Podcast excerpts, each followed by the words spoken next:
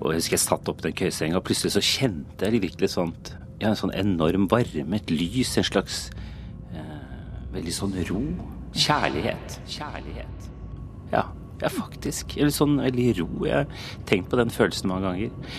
Men jeg vet jo ikke hva det var. Om det virkelig var Gud, eller om det bare var noe som eh, jeg hadde behov for der og da. Mellom himmel og jord. Søndager klokka ni i NRK P1. Om du har registreringsnummer som slutter på par eller oddetall, spiller ingen rolle. Her er det fri ferdsel for alle. Ja, I grunnen så er det bare å parkere bilen. Den er totalt ubrukelig når vi nå etter hvert beveger oss lysår av gårde. Hvis du da ikke har en ombygd DeLorean stående i garasjen. For en av dagens gjester han forsker på universet, og han tror at vi alle kunne ha godt av å løfte blikket mot himmelen litt oftere, kanskje. Vel møtt til et par timer et sted mellom himmel og jord. Vi starter absolutt helt nede på bakkeplan. 40 forslag til en strengere asyl- og innvandringspolitikk. Det var det Sylvi Listhaug fra Fremskrittspartiet la fram i romjula, og etter det så har debatten rulla av gårde, og en av dem som ikke syns noe om det her, og dermed til dels er uenig med sitt eget moderparti, det er Mani Hussaini. Han er leder i AUF, og da vi snakka med han på Skype, satt han med tærne nesten nede i Indiahavet, på Mauritius. Han kom sjøl til Norge som politisk flyktning, og her er hans historie. Jeg er født i Syria i 1987, i en liten eh, by eh, helt nordøst som heter Kamslo. Det er en kurdisk by, eh, fordi de aller fleste som bor der er kurdere, i likhet med meg og min familie. Og i den byen så drev mine foreldre flere butikker, bl.a. en blomsterbutikk, en parfymebutikk og en databutikk. De er rike. Biler, ferier, folk som jobber for seg. Stor hage, full av venner. Jeg husker lukten av eh, nyvannet jord. Eh, lukten av, eh, av jasmintre. men dessverre er det ikke så mye av det det er i dag. Og heller ikke menneskene. Enten er de blitt drept, eller så har de flyktet. Mani og lillebroren går på byens beste privatskole. På den skolen, de som var muslimer, skulle gå på eh, altså islamundervisning. Mens de som var kristne, skulle gå på kristendomundervisning. Eh, men jeg dro på begge deler, fordi jeg ville lære om begge. Eh, og så pleide jeg å diskutere med min rektor om at men hør her nå, det er jo, det er mange likheter mellom disse religionene her. Er du sikker på at de ikke er en kopi av hverandre? Mani er det man kan kalle muslimfødt, men med mange religioner i bagasjen. For min familie så betyr eh, religion først og fremst feiring. Fordi i familien min eh, så har vi muslimer, vi har eh, kristne, vi har jøder, vi har asyrere. Vi har egentlig eh, nesten alle de ulike, ulike typer religion du har i Midtøsten, har vi i familien min. Og Derfor har, har vi hele tiden vært veldig opptatt av å feire. Eh, for da får vi være med familien, og vi får kose oss. Eh, og så får vi bruke tid på, på, det fine med religion, og ikke så mye med det som ja, ikke, er så, ikke er så fint. Så familien feirer jul, id, påske? Samtidig som jeg har kommet fra en familie som har vært opptatt av at kunnskap er det som skal føre deg frem, og at det er på en måte eh, Det er religionen vår. Du skal lese deg opp, du skal bli klokere, du skal være ambisiøs, du skal ha mål for livet det har på en måte det som har vært drivkraften i hele familien. Og så var det det kurdiske. Faren min drev med politikk eh, og journalistikk og forfatterskap. Eh, tre ting som var ulovlig, med mindre du skrev for regimet. Desember 1998. Mani er elleve år. En dag er plutselig faren borte. Vi leita overalt. På sykehus, eh, i fengsler helt til vi slutt fant ut at han hadde blitt tatt av myndighetene eh, i et eh, hemmelig celle, hvor han da skulle bli ja, sannsynligvis bli, bli drept. Eh, så vi fikk tatt han ut på kausjon mot eh, masse penger for at vi skulle si ha det til han. Og i løpet av eh, de ja, timene han var ute, så pakket vi alt sammen. Det vil si alle fikk lov til å ha med seg en sekk. Jeg husker jeg var veldig sint fordi jeg ville ha med meg mer. Jeg ville ha med meg mine leker, mine gitarer. Jeg ville aller helst ha også med, med mine venner. men vi fikk lov til å ha med oss bare én sekk hver. Jeg, mine foreldre, min lillebror og min lillesøster. Familien har råd til flybilletter, til ulovlig visum, råd til å slippe havet, slippe trailerne. På flyplassen i Damaskus er familien redd. Det var lukten av svette mennesker rundt oss. Eh, lukten av eh, gamle, skitne penger. Pappa hadde en stor bunke eh, med, med sedler i hånda si, som han ga til nesten enhver som kom bort til oss, og som kunne se ut som en tjenestemann eller fra sikkerhetspolitiet. De vil til Norge. Det blir Sverige etter en måned i Hellas. Og det var så skittent, og det, lukta ikke godt. Så vi endte opp med å skrubbe, skrubbe alle veggene og takene og gulv. Og for hvert mottak vi, vi bytta, da var det samme prosedyre på nytt. Ett år, tre ulike mottak i Sverige. Og Schengen. Så vil Sverige sende dem tilbake til Hellas. Det var helt uaktuelt for familien min. Vi vil ikke eh, risikere pappa sitt liv. Familien flykter til Norge i november 1999, rett før vi skriver under Schengen-avtalen så Norge må behandle søknaden deres selv. De bor på fire mottak. Samme prosedyre der også. Vaske alt sammen. I Asker, Bærum, Stord, Haugesund. Ut og kjøpe grønnsoppe. Det var ikke noe bra standard. Men hele tiden så tenkte vi at det er verdt det. Men vi hadde mange nedturer. Eh, og jeg husker veldig godt da vi kom oss eh, på asylmottaket i Haugesund som var et veldig godt asylmottak fordi det var spredt. Det var ikke en svær boligkompleks hvor alle bodde, men det var spredt over hele byen. Og for første gang så hadde vi norske naboer. Altså, eh, eller det blir kanskje eh, bedre å si normale naboer, som hadde et normalt liv. Eh, da vi våkna på morgenen og så at folk skulle følge barna sine til barnehage, skulle dra på jobb, så ble vi motivert til å skal vi si, også leve et normalt liv. Jeg og broren min ble egentlig sendt ut de første, de første dagene vi, kom til dette nye stedet. Sendt ut eh, til våre naboer med syriske kaker. Og så skulle de komme tilbake med fatene til oss. da, På den måten skape en relasjon. Eh, det var ikke alle som åpna for oss, men de som gjorde det, de, de ble vi veldig gode venner med. Og de tok med eh, mamma og lillesøster på svømming. Eh, de introduserte meg og min lillebror for fotball. Eh, og sånn var vi på en måte en del av samfunnet og levde noenlunde normalt liv. Bare at vi ikke visste hva morgendagen ville bringe. Om vi skulle få bli, eller om vi skulle bli sendt eh, tilbake. De venter i ett og et halvt år. Jeg husker at jeg kom hjem fra skolen, og det lukta parfyme i hele stua vår. Og da tenkte jeg at nå feirer vi et eller annet.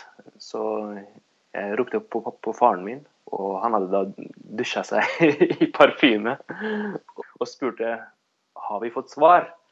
Eh, og da var svaret ja, nå skal vi bli her. Nå skal vi bygge oss en framtid i dette landet. Dette blir landet vårt fra og med i dag. Og eh, jeg hadde så lyst på nye fotballsko, men familien hadde ikke så god råd da jeg bodde på asylmottak. Men den dagen vi fikk opphold, så tenkte jeg i dag er pappa litt sårbar. Eh, og, og, sikkert eh, kan være med på hva som helst. Så jeg spurte om 500 kroner til nye fotballsko, og han sa ja med en gang. Så tok jeg de 500 kronene og gikk jeg tror det var fem kilometer til eh, nærmeste fotballsjappe. Og kjøpte meg nye, nye fotballsko og dukka opp på trening med klinkende nye fotballsko. Så er det tid for visshet. For egne møbler. Varighet. Vanlig hverdag. Det lukter mye møterom og kaffe. det sier Mani Hussaini på Skype fra Mauritius, som altså nå er leder i AUF. Familien hans flykta fra Syria i 1998. Og reporter her, det var Ragnhild Sleire Øyen. Vi er stadig på jakt etter godhet, og den som har eh, tatt ansvar for å snu steinene, det er Kjetil Lillesæter. Jeanette Lille Andersen hun deler sine erfaringer fra da ekteskapet hennes gikk i stykker. Jo, jeg og mannen min var jo offiserer i Frelsesarmeen, og det kom jo som et stort sjokk å, å bli skilt, egentlig. Og det, det, var jo overraskende på meg. Og da eh, var det godt å oppleve mange gode mennesker rundt seg. Og man fikk oppleve noen glimt av godhet i uh, vennekretsen. Det var veldig bra. Er det en uh, bestemt situasjon du husker ekstra godt? Ja, jeg husker den dagen uh, Ingvild, ei venninne som jeg akkurat blitt kjent med, kom på døra. Og hun hadde med varme, nystekte boller og rundstykker.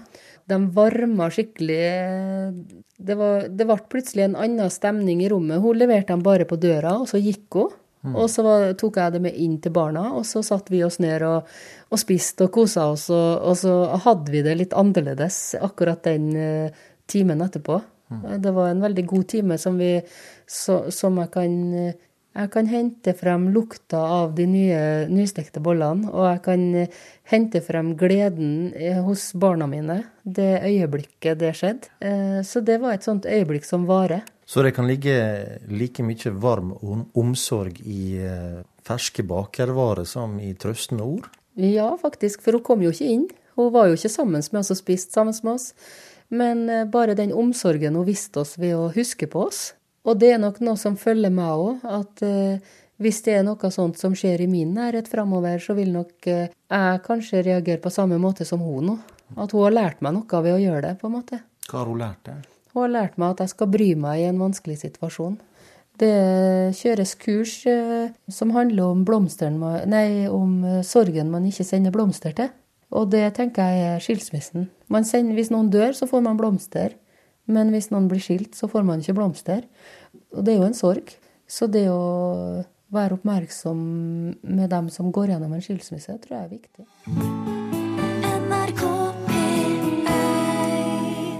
Ja, Jostein Riise Kristiansen, du er av typen som kanskje ser opp i lufta litt oftere enn de fleste av oss. Tror du det? Ja, kanskje. På, på kveldene når det er mørkt. Mm. Hva du ser etter, da? Jeg ser egentlig etter alt det som er mellom alle stjernene vi kan se. Alt det svarte. Så noe av det jeg jobber med, er den, den usynlige delen av universet. Så mm. det som er mørkt og helt usynlig. Fordi vi er ganske sikre på at alt det vi kan se, alt det du er lagd av, jeg er lagd av, sola er lagd av, alle stjernene, som vi kan kalle vanlig materie, da, sånn vanlig stoff som vi kjenner. Mm. At for hver kilo sånn vanlig stoff i universet, så finnes det kanskje fem kilo med mørk materie. Og det er en helt annen type stoff, noe som er helt usynlig. Og som vi er ganske sikre på er der, men vi vet ikke hva det er. Det her må jo være vanskelig å se etter, da, når du sier at du ser etter det? Okay. Ja, det er umulig å se etter sånn direkte. Men Så vi kan se da effektene av det i universet. Du ser hvordan kreftene virker? Vi ser hvordan tyngdekreftene virker. Mm. Eh, og selv om ikke vi kan se dem, så kan det hende at vi kan lage apparater som kan se dem. Kan det være at vi liksom omgir oss med masse mørk, mørk materie uten at vi vet det, eller? Ikke bare kan det være sånn, vi er ganske sikre på at vi gjør det. Oi. Og sånn mørk materie, det er den er gjennomsiktig. Ja. Så vi kan kanskje skulle kalle det glassmaterie. Det, det hørtes så mye hyggeligere ut. Ja, Og så kan den gå rett gjennom eh, sånn ja. materie som vi kjenner. Det kan gå rett gjennom eh, jordas overflate og inn i jorda, liksom. Ja, syns jeg hadde hatt mørk materie, en sånn klump med det, og sitte med det i hånda her. Mm. Så jeg kunne ikke holdt på den, for den hadde ikke hengt sammen på samme måte som vanlig materie. Og jeg kunne ikke holdt den fordi han, eh, den er ikke håndfast. Men den ville kjent tyngdekrefter som ville begynt å dette nedover, og ville bare begynt å dette ned inn i jorda og ut på andre sida. Der ville tyngdekreften begynt å trekke den tilbake igjen, så ville den pendla sånn gjennom jorda fram og tilbake. Det her er ganske uforståelig for et vanlig menneske som ikke kikker så mye opp? Ja, det strider jo mot på en måte den sunne fornuften eller de hverdagserfaringene vi har gjort oss. Mm. I det hele tatt så er det mye vi ikke forstår. Det er mye vi ikke vet. Ja. Ja. Du snakker jo også om uh, i boka di, da, som vi må Ja. nevne, Det usynlige universet. Ja. Der skriver, du at, der skriver du om gleden over å vite hva man ikke vet. Ja. Det må du forklare. Ja, for en forsker så er jo det veldig spennende at det er på en måte hvite flekker på kartet i vitenskapen som er åpne og som er klare for å oppdages. Og akkurat der så er det med mørk materie inni Der er vi i en veldig fin periode nå. Fordi vi veit at det er noe stort der, noe det er mye av som vi ikke forstår. Og nå i disse dager så lages det flere og flere veldig gode eksperimenter.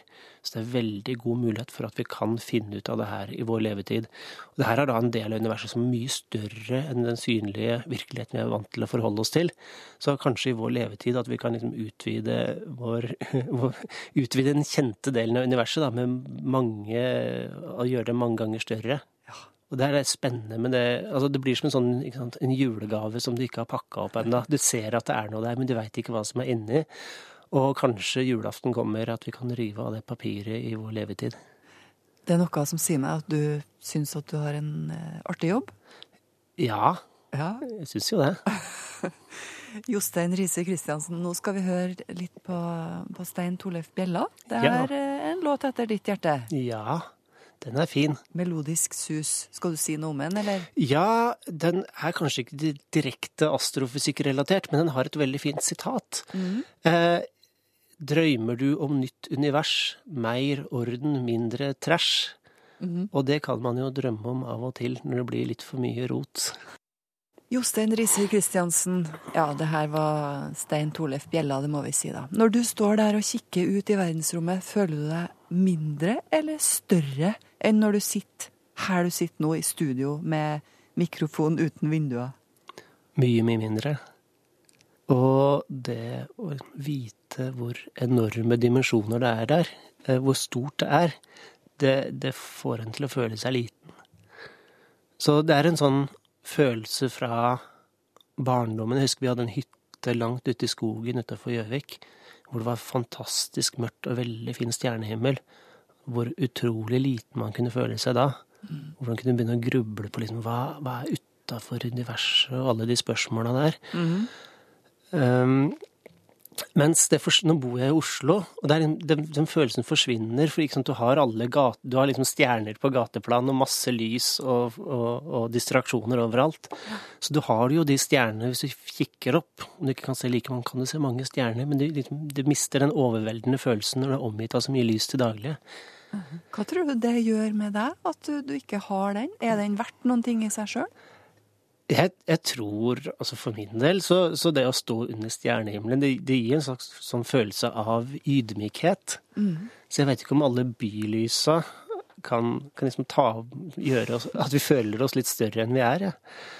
Men altså, hvilke tanker får du om mennesket i den store sammenhengen her, når du står der og ser utover? Mennesket i universet. Ja, men Vi blir jo Vi blir jo ubetydelige, på en måte. Eh, Altså, hvem er vi? Hva gjør vi her? Hva er meninga med det hele? Liksom, ja, det blir litt uh... Ja, det blir, det blir fjernt, det hele, og, og man, kan, man kan lure på liksom, hvem bryr seg om oss. Og det, det syns jeg er en litt behagelig følelse. Jeg tenker at vi ikke er så fryktelig viktige, at alle de problemene jeg måtte ha i hverdagen, ikke er ganske ubetydelige, tross alt.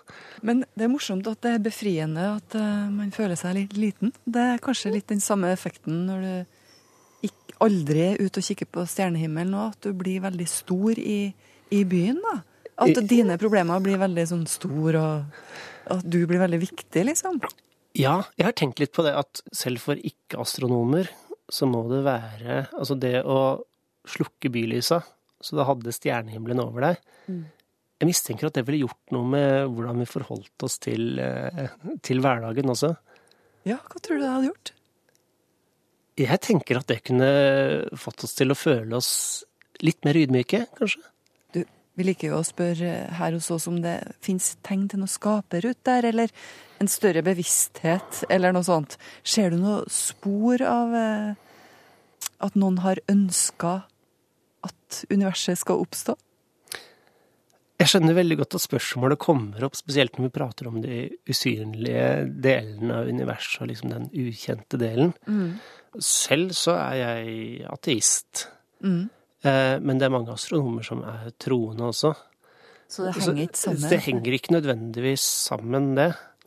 Det er jo mange som argumenterer, altså sjøl om det er kanskje litt rart å argumentere for eller imot en gud, så er det noen som argumenterer med at et sånt system, det kan ikke oppstå uten en skaper. Ja, det er, den, det er noen som argumenterer på den måten. At ja, men universet, naturlovene, ser liksom ut til å være skreddersydd for at det skal finnes noe. Og så kan du tenke da på en annen side at ja, men hvis de ikke hadde vært så justerte for at det skulle finnes noe, så kunne heller ikke vi vært her og stilt det spørsmålet. Så det blir på en måte litt sånn sirkelargument. Og det er vanskelig å trekke en gud ut av det også. Ja. Syns du den diskusjonen er meningsløs, eller? Hva Nei, jeg syns ikke den er meningsløs, men eh, jeg syns det er litt skummelt å, å koble den til, eh, til naturvitenskapen, eller, eh, eller til astronomien. Mm. Fordi hvis man, også hvis man begynner å se etter en, en, måte en skaper eller en større intelligens i f.eks. mørk materie, fordi det er noe usynlig, noe vi ikke kjenner til, Mm. Så blir det, det, det blir en, en, en, det de kaller på engelsk 'god of the gaps'.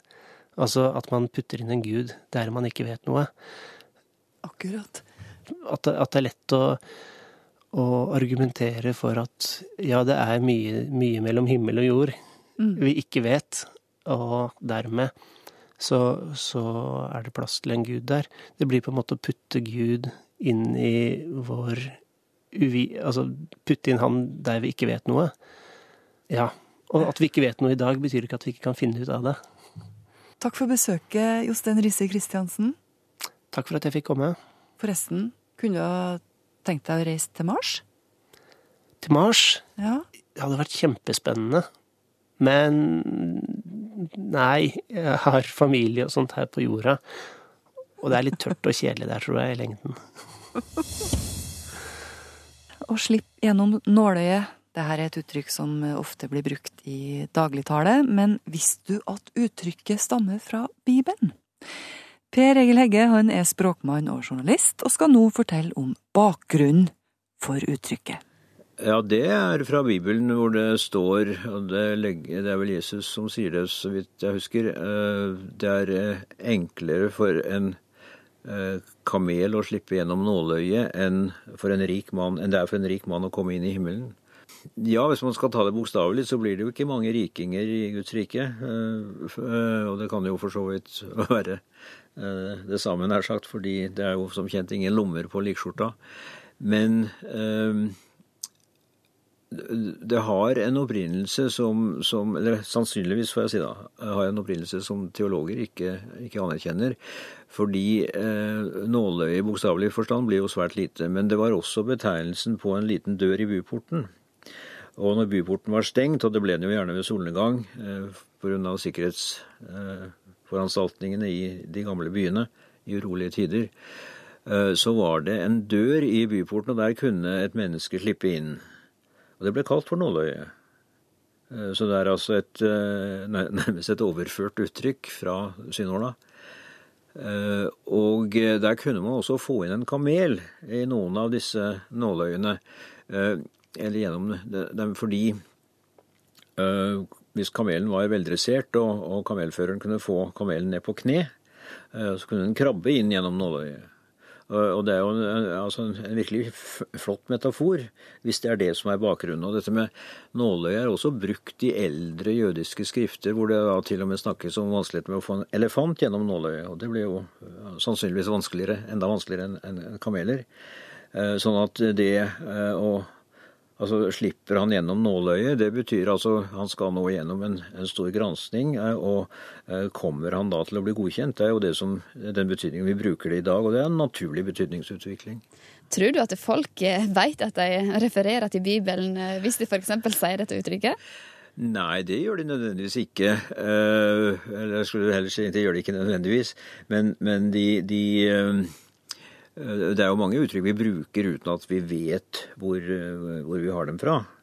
Og det er uttrykk som Altså mer verslige, da som har rot i gamle tiders eh, landbruksteknikk, f.eks. Sjøfart. Eh, som vi bruker uten å, uten å ane hvor det kommer fra. Det sier språkmann og journalist Per Egil Hegge til reporter Camilla Kjønn Tingvoll. NRK Raseriet retter seg mot Saudi-Arabia og kongerikets vestlige allierte. Folkemengden krever hevn for det de kaller drapet på den sjiamuslimske lederen Nimr al-Nimr, som ble avretta i Saudi-Arabia. Irans øverste religiøse og militære leder krever at sjiamuslimer hevner seg på kongefamilien i Saudi-Arabia. Den spente situasjonen mellom Saudi-Arabia og Iran har prega nyhetsbildet den siste uka. Etter at eh, den skriftlærde sjiamuslimen Nimer al-Nimer ble henretta av det sunnistyrte Saudi-Arabia den 2. januar. Hendelsen har vært med på å gi brennstoff til den gamle konflikten mellom de to hovedretningene innen islam. Vi skal legge ehm, denne konflikten mellom Iran og Saudi-Arabia til side, for nå skal vi se på de to retningene innen islam, nemlig sunni og shia. For hvordan oppsto egentlig denne forskjellen, og hva skiller dem fra hverandre? Vi skal tilbake til årene etter Mohammeds død i 632. Det store spørsmålet er hvem er den rettmessige etterfølgeren av profeten. Etter Mohammeds død i 632 eh, så var det slik at en gruppe de ønsket at eh, profetens etterfølger skulle utpekes av et råd, og det er det som Sunni har gått inn for. Samtidig vokser fram ei anna gruppe, som vi kjenner som Shia. De mener noe helt annet, forteller Ragnhild Jonsrud Sorgati, førsteamanuensis i religionshistorie ved Universitetet i Oslo. Fordi Shia de mente at den som skulle etterfølge profeten Mohammed, det vedkommende burde komme fra profetens egen familie. Shia-muslimene ser altså på Mohammed sin fetter, Ali, som den rettmessige etterfølgeren. Mens sunnimuslimene mener at en av Mohammed sine svigerfedre, Abu Bakr, som ikke var av samme slekt, burde overta som religiøs leder. Og det er nettopp denne uenigheten som først og fremst skiller sunni fra shia. Det er et følsomt tema fordi at den personen har jo en autoritet, en viktig religiøs autoritet på den ene siden, men også politisk autoritet på den andre. Og da blir det et viktig spørsmål hvem er det som nå får denne uh, viktige posisjonen etter profeten Mohammed. Og så er det jo at uh, jo lenger Eh, fremover vi kommer i historien, og når rettstenkningen og teologien eh, utkrystalliserer seg ikke sant, de hundreårene etter profeten Mohammeds død, så vil man da få ulike tolkninger som vil karakterisere sunna sunni-islam på den ene siden og shia-islam på den andre. Hvordan ser de ulike retningene på hverandre? Der på den ene siden så kan uh, forholdet mellom shia og sunni karakteriseres med konflikt, at det har vært historiske konflikter, at de tidlige lederne som innenfor Shia, som ble kalt for imamer, at de eh, ofte ble forfulgt tidlig i historien. Senere så var det på 12-, 11- og 1200-tallet forfølgelser av Shia under sunni eh, fordi ofte så har Shia levd som minoritet i sunni-dominerte områder. Uh, og så var det en stund på 1500-tallet hvor man hadde et safavide, et shia-dynasti i Iran, det som er dagens Iran, og da ble sunnier til tider forfulgt. I det ottomanske riket, som var sunni-dominert, så ble shia-lærde forfulgt. Så det er én historie. Mm. Og så er det en annen historie om sameksistens. At man har uh, gått til de samme uh, helgenskrinene. At man har uh, Det er eksempler på helgenskrin hvor det er en viktig helgen innenfor shia, men hvor vedkommende som har vedlikeholdt og finansiert skrinet eller helligdommen har vært en sunni. Eh, og hvis man går til uh, nettsteder i dag, altså det er jo veldig populært i den muslimske verden med nettsteder hvor lærde, både innenfor shia og sunni, gir råd til vanlige folk. Altså du kan skrive inn på en, uh, en nettplattform og stille spørsmål om dagligdagse ting. Og da er f.eks. blandingsekteskap mellom shia og sunni et spørsmål som folk stiller, og da er det slik at de fleste nettsteder de vil si at dette er ålreit, så lenge vedkommende som inngår et slikt blandingsekteskap, beholder sin tro. Eh, det samme gjelder spørsmål om man kan be sammen.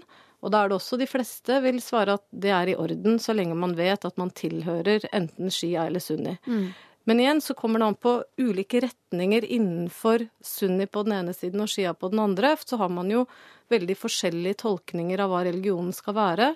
Og hvis vi tar uh, f.eks. wahhabi-retningen, en streng uh, tolkning av islam som man finner i Saudi-Arabia, så vil de ha et syn på shia som at shia er en form for vantro.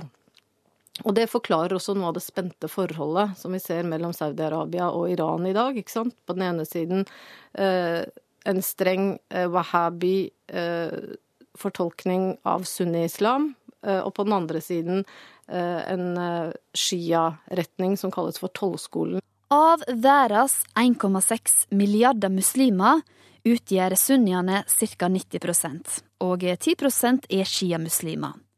Flertallet av folk i Saudi-Arabia, Egypt, Jordan, Syria og de fleste golfstatene er sunnimuslimer, mens majoriteten i Iran, Irak og Bahrain er shia.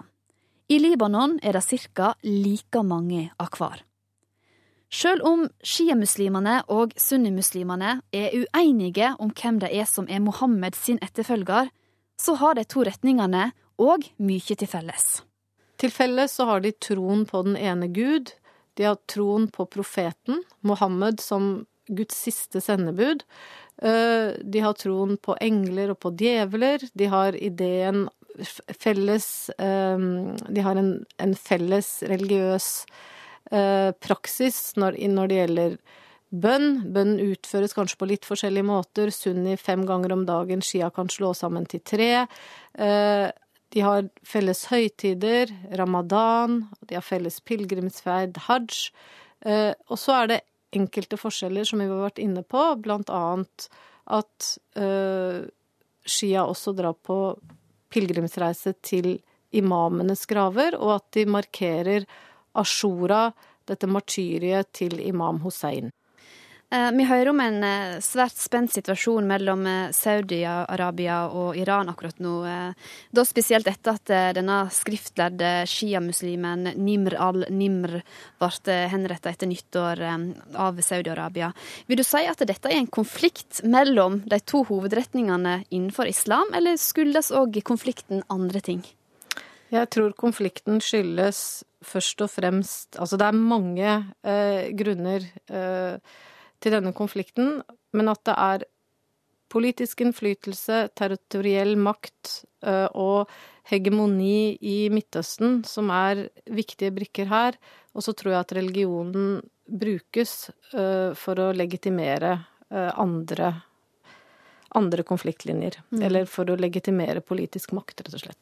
Ja, det kan Ragnhild Jonsrud Sorgati fortelle. Hun er førsteamanuensis i religionshistorie ved Universitetet i Oslo. Og reporter her var Camilla Kjønn Tingvoll. Pater Håvard Simon, velkommen til Mellom himmel og jord. Takk for det. Du er jo pater i Den katolske kirke, og du inviterte oss for å si noe om barmhjertighet. For det er slik at pave Frans han har kunngjort et barmhjertighetens år nå i 2016. Og I tillegg kommer han ut med bok nå i neste uke, altså på tirsdag, om dette temaet barmhjertighet. Hva er det egentlig paven prøver å si med dette barmhjertighetsprosjektet sitt? Eh, paven ønsker å strekke seg ut til eh, alle mennesker eh, med et budskap som er det liksom kanskje det mest Det helt fundamentale bibelske budskapet. Eh, dette her å eh, forbarme seg over, dette å tilgi, dette å møte mennesket det det er, alt dette ligger jo i begrepet barmhjertighet.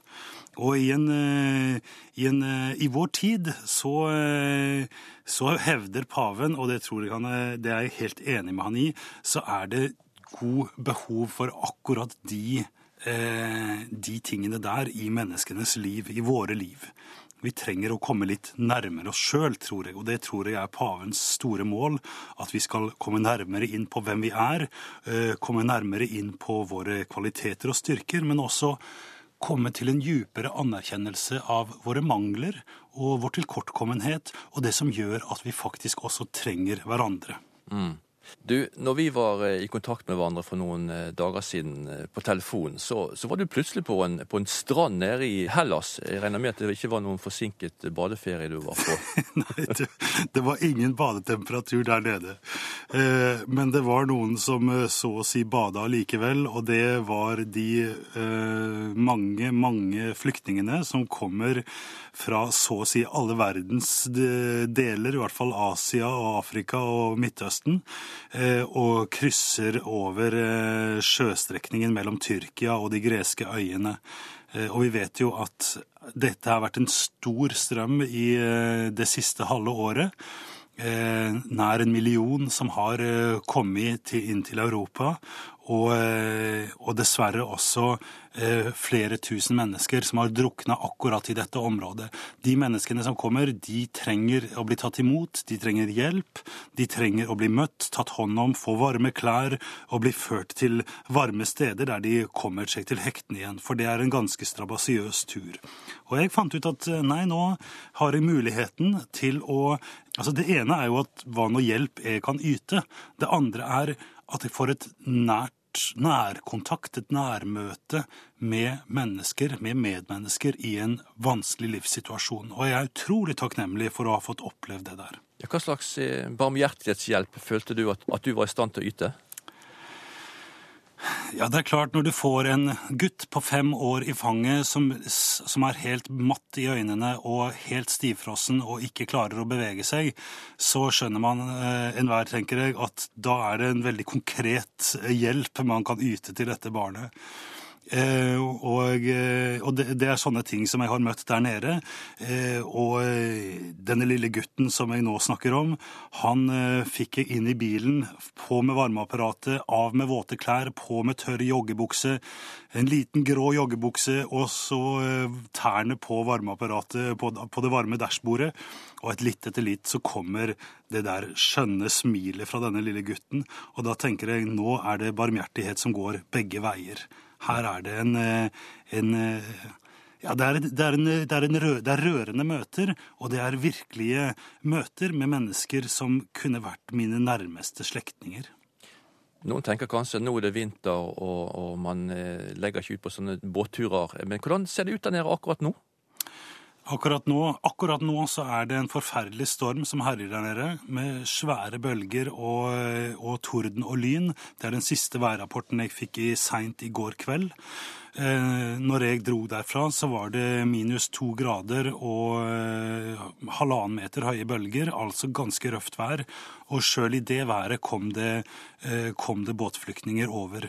Det er delvis fordi de er, har et sterkt ønske om å komme seg over, men det er også fordi menneskesmuglerne sier at hvis dere ikke reiser nå, så taper dere alle pengene dere har betalt. Så det er et brutalt game som spilles der nede med menneskehandel, kan man nesten kalle det. Mm. Hva, du, hva, opplever du at et sånt møte med, med virkeligheten og, og barmhjertighet gjør med deg? Vel, jeg var der nede sammen med en organisasjon som heter Dråpen i havet. Eh, som nettopp tar imot folk som ønsker å bidra der nede for å hjelpe. Uh, og det som jeg og de 500 andre som i løpet av høsten har vært der nede, og som fortsetter å komme, det vi tar med oss hjem, det er jo en førstehånds, førstehånds vitneerfaring som vi deler med mennesker her hjemme i Norge. Og de som har dratt ned, eh, de har ofte fått eh, Det har blitt spontane innsamlingsaksjoner der folk engasjerer seg. Sånn at eh, vi tar med oss hjem et, et, et vitnesbyrd som er veldig sterkt, og som jeg tror er veldig viktig også når vi snakker om barmhjertigheten barmhjertighetens år. Nettopp dette å vise barmhjertighet, dette å forbarme seg over de som trenger det aller mest. Vi har fremdeles pater Håvard Simon med oss. Han er en av våre gjester denne søndagen her i Mellom himmel og jord. Vi har snakket om barmhjertighet, men du er jo egentlig utdannet eh, som tømrer. Hvordan hadde dette seg? Ja, det, det er vel sånn at livet er langt og mangfoldig. Jeg kjenner en annen som også var utdanna tømrer. Han eh, er også kalt Guds sønn, så jeg mener er, eh, tømrerutdannelsen kan brukes eh, til så mangt. Ja. Jeg er eh, oppvokst i Vest-Telemark, og eh, jeg har ikke, hadde ikke noen katolske eh, røtter derfra. Gikk ikke noe særlig i kirka heller, tror jeg trygt vi kan si. Men eh, jeg gikk med en lengsel om å finne en djupere mening i livet, og eh, et spørsmål om Gud og Guds eksistens, og om når denne guden fins, hvem er han? Og det spørsmålet, det, det ser jeg på som en eh, Guds kall i, nedlagt i meg, som jeg har prøvd å søke etter svar på. Hvor gammel var du da du begynte å, å pusle med disse tankene, da? Ja, det, min, eh, hadde min eh, ungdommelige eksistensielle krise når jeg var eh, 21 år. Hva skjedde da? Da eh, følte jeg at jeg eh, møtte veggen når det gjaldt mening med livet. Og da tenkte jeg ja, ja, nå er det en siste utvei, og det er å be en bønn til Gud. Og da hadde jeg nå lært i søndagsskolen at eh, den som banker, for ham skal det lukkes opp, og den som leter, han skal finne. Så da sa jeg til Gud, nå banker jeg på, og da ville det vært veldig fint om du nå kunne lukke opp på en eller annen måte, sånn at jeg forstår at du er der. På hvilken måte lukket han opp?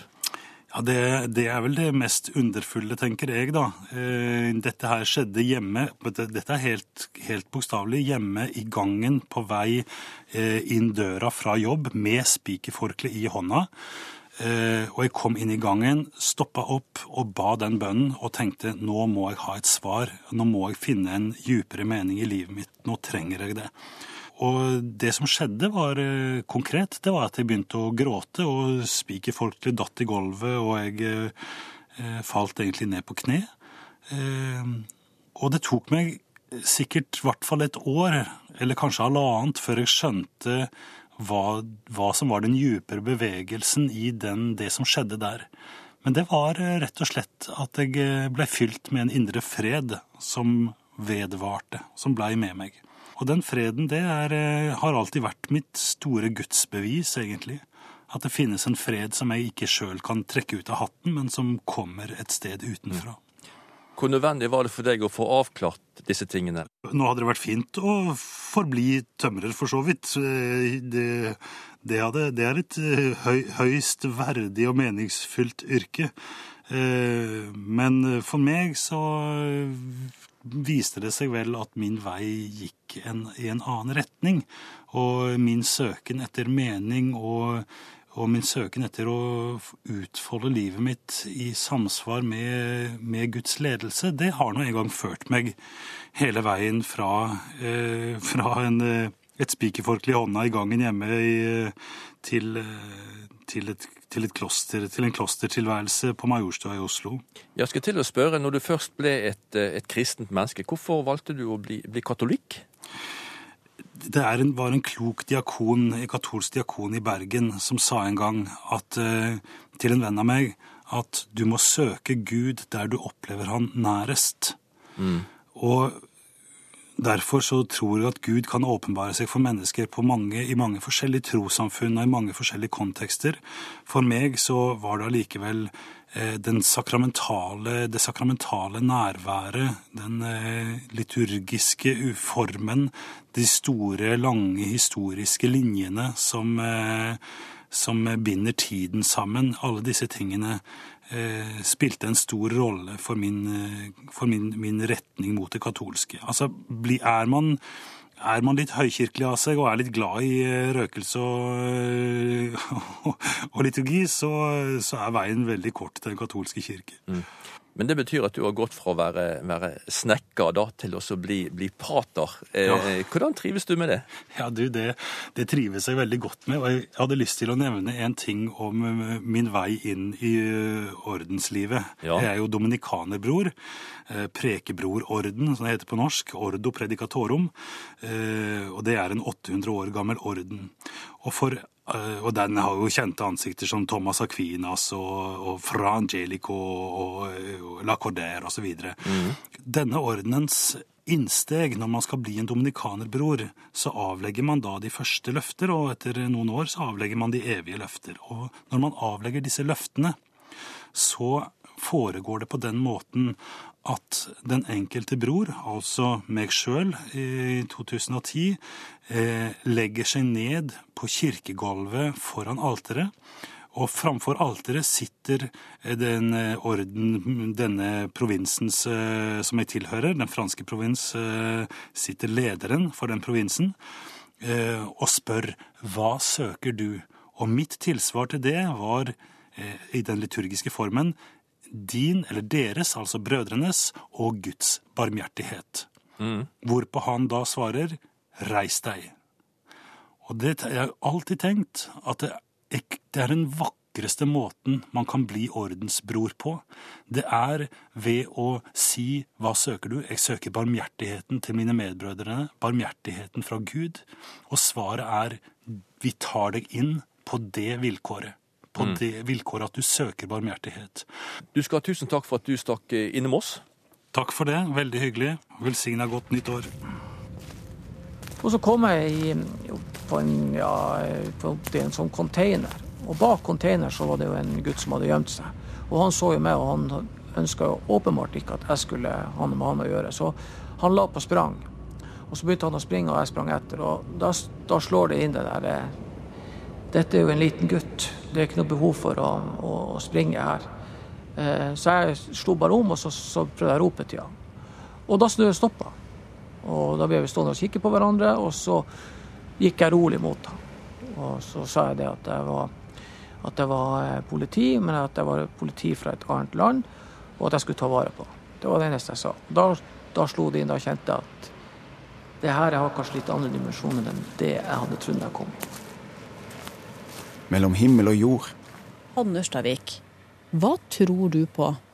Da vil jeg sitere den godeste Gunnar Ekelöf, den svenske poeten, som i et dikt sa at øgon trots alt kan møtes. Det tror jeg på. Så da snakker vi om god øyekontakt? Rett og slett at vi kan se hverandre inn i øynene. Hvorfor tror du på det? Fordi Fordi jeg syns det er så mye det er vanskelig å tro på. Men jeg tror at når vi tør å la det skje, så kan noe skje. Da kan noe åpne seg. Selv om vi trodde det var helt umulig og helt stengt og låst. Øyekontakt det høres nesten litt magisk ut. Ja, men det er jo det. det er jo helt vidunderlig. Himmelen er øyne, tenker jeg. Ja, da sitter vi på trappa til Øystein Lien og kikker utover Trondheimsfjorden. En fin dag. Eh, god balanse. Ja, absolutt. Og det er det vi skal snakke om i dag. Balanse. For hvordan balanserer du interessen din opp mot resten av verden, eller familien, da, hvis du har det? Er du god på det, Øystein? Jeg kan da påstå å si ja. Men det vil være feil. Fordi jeg tror hele tida så er man i en slags forskyvning. Enten så er det litt for lite av noe, eller litt for mye av noe, eller et eller annet Noe man burde ha gjort, noe man ikke burde gjort. Du beveger deg på en egg, liksom? Er det sånn? Ja, kanskje det, da. Så av og til så er du midt oppå eggen, men som regel en eller annen plass rundt. Ja, det er det, altså. Men jeg tror det er, er livet, rett og slett. Å prøve å finne balansen. Men av og til å prøve å havne litt utafor. For å kjenne på at det, det er ikke denne middelveien som nødvendigvis er den fine heller. Man må på en måte prøve å dytte seg litt, for da, da skjer det jo noe i livet. Noen tenker litt at de er lost, da. Og man er jo faktisk det i perioder av livet, f.eks. Når, når man har småunger eller mm. syke foreldre eller et mm. eller annet. Hvis du har en sterk interesse, da, hvordan oppdager du sjøl at, at, du er på vei inn i den og ut av eh, plikter og sånt? Man gjør ikke det, tror ikke jeg. Hvis man gjør det, så er man ikke ja, Da er man liksom ikke i den faren. da. Og så er det alltid noe som er verre. Altså, se naboen, han, eh, han driver jo i redskapsbua si hele tida. Han er jo helt gått fra vettet og er verre fiksert, da. Ja. Så det er en sånn uh, hvit løgn man kan ha over seg sjøl. Jeg tror vi mennesker, uten at vi uh, har noe vi brenner for eller liker, det vi, vi blir, da blir vi flate. Og det, jeg tror det er en grunn til at man gjør noe dypt, da. Eller prøver å gjøre noe dypt. Det er jo kanskje mest menn vi snakker om nå, er ikke det? Jeg tror ikke det, altså. Det, jeg vil tro at det er like mange damer altså for, i forholdet som har noe som de gjerne vil gjøre. Like dypt som uh, menn har. Altså, jeg tror det er en Det kan jo være f.eks. Uh, nå, nå generaliserer jeg her, da. Mm.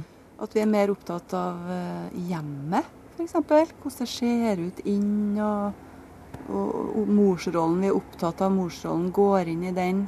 At vi finner noe der da, som kanskje er vanskeligere å finne for en mann i heimen. Ja, og da, da er jo gleden i det. Ja, nemlig. Hvis man ser isolert på det, så kan jo det være like asosialt i gassetegn som å gå i redskapsbue eller ta seg en joggetur eller eh, Men det ser kanskje ikke sånn ut, da, fordi du investerer på en måte i fellesskapet når du baker til familien, mens når du springer deg en tur, så sånn direkte så bidrar du til fellesskapet. Ja, si ikke det, altså. Det at mannen forsvinner ut, kan være et veldig pluss for fellesskapet. Og det kan jo være um, et veldig pluss til at mannen òg får, og dama òg for så vidt, får løpt seg ut en tur og gjøre noe helt annet. I den totale regnskapet kan være Men så kommer man jo til et punkt at man kan trene så mye at uh, det er en hårfin balansegang mellom en sunn sjel i et sunt legeme til usunn sjel i et sunt legeme. Selv om man da ser tilsynelatende frisk og effektiv og rask, og så, er, så, går det jo Kan jo gå på bekostning av fellesskapet. Og da er vi inne i en Da er vi nesten inne i en diagnose, tror jeg. Ja, hva, hva, hvilken beskjed skal du da som pårørende gi til den eh, som nesten kunne ha fått en diagnose? Uh, get real si det rett ut. Eh, vi er jo mennesker, vi, må, vi har jo bare hverandre. Vi må bare si det. Ja, vi må bare si det, sier Øystein Lie fra sin trapp på Frosta i Nord-Trøndelag. Har du noe på hjertet, så ja, kan du bare si det. For eksempel på e-post. Himmel og jord, krøllalfa, nrk.no. Du finner også historier fra livet på Facebook-sida vår, NRK Livet. Der kan du også komme i kontakt med oss. Hør flere podkaster på nrk.no podkast.